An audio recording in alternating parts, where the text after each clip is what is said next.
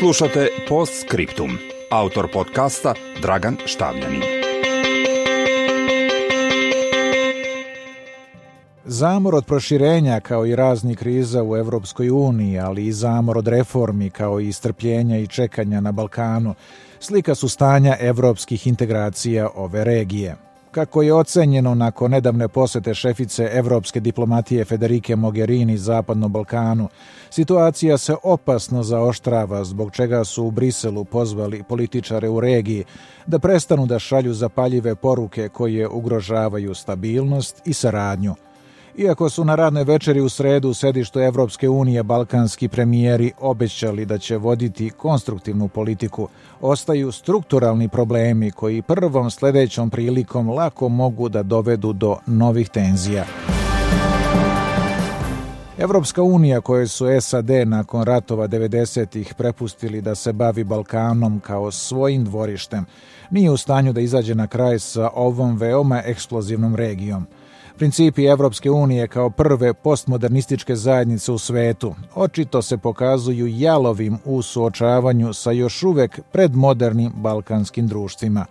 U takvim okolnostima širi se prostor za delovanje aktera koji se oslanjaju isključivo na real politiku, pre svega za Rusiju koja koristi Balkan kao ahilovu petu briselske diplomatije.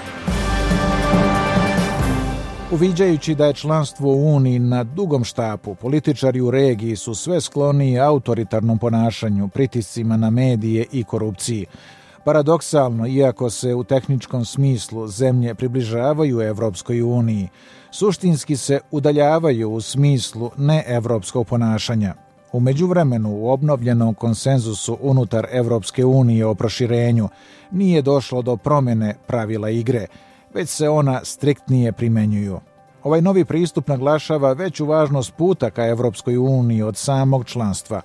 To se može videti i u naglasku Evropske unije na stabilnosti Balkana, zbog čega je sklona da zažmuri na autoritarno ponašanje domaćih političara, kao što je srpski premijer Aleksandar Vučić, nadajući se da će tako uspeti da normalizuje odnose Beograda i Prištine. Dakle, zamor od proširenja i zamor od čekanja su delovi istog problema.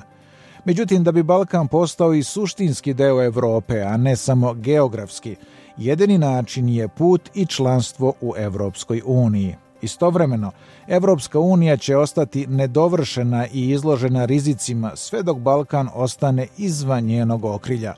To je zajednički cilj na kome obe strane treba ubrzano i temeljito da rade – Ukoliko taj proces potraje u nedogled, razne opcije su u igri, uključujući i najnepoželjnije –